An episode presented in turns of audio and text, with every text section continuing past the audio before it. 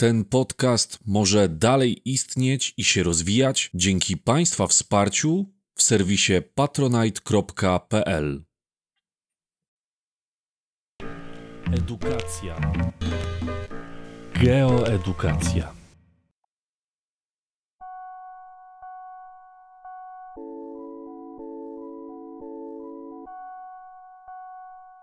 Wpływ działalności człowieka na litosferę.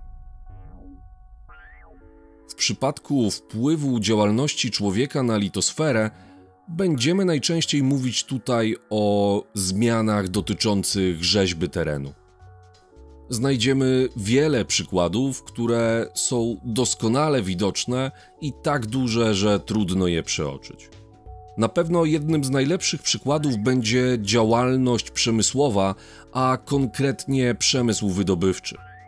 To mogą być zarówno kopalnie odkrywkowe, a więc takie, gdzie w jednym miejscu powstaje olbrzymia dziura w ziemi, a w drugim miejscu powstaje hałda, czyli taka góra, gdzie gromadzony jest materiał, którego nie możemy sprzedać i jest po prostu odpadem. W Polsce doskonałym przykładem takiej kopalni odkrywkowej będzie Bełchatów. Również kopalnie głębinowe będą jednak wpływać na litosferę. Z jednej strony to będą oczywiście szyby i chodniki znajdujące się pod ziemią na różnych głębokościach, ale także w przypadku tych kopalni tworzone są hałdy, na których gromadzony jest materiał. W wyniku kopalni głębinowych może dochodzić do tąpnięć, których efektem będzie powstawanie szczelin czy też nawet osuwisk. W Polsce doskonałym przykładem miejsca, gdzie tereny górnicze i związana z nimi działalność będzie powodować szkody, będzie oczywiście Górny Śląsk.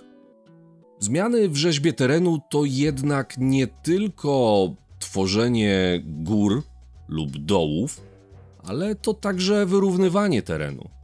I tutaj idealnym przykładem będzie budowa lotnisk, które nie dość, że zajmują dużą powierzchnię, to jeszcze wymagają w miarę płaskiego terenu. Wpływ na litosferę będzie miał także transport. Z budową szlaków komunikacyjnych nieodzownie związana jest budowa nasypów lub tuneli. Również rolnictwo będzie tym przykładem działalności gospodarczej, która wpływa na litosferę. Doskonałe efekty będą widoczne w Azji Południowo-Wschodniej, gdzie, aby umożliwić wykorzystanie górskich terenów, stosujemy takie charakterystyczne schodki.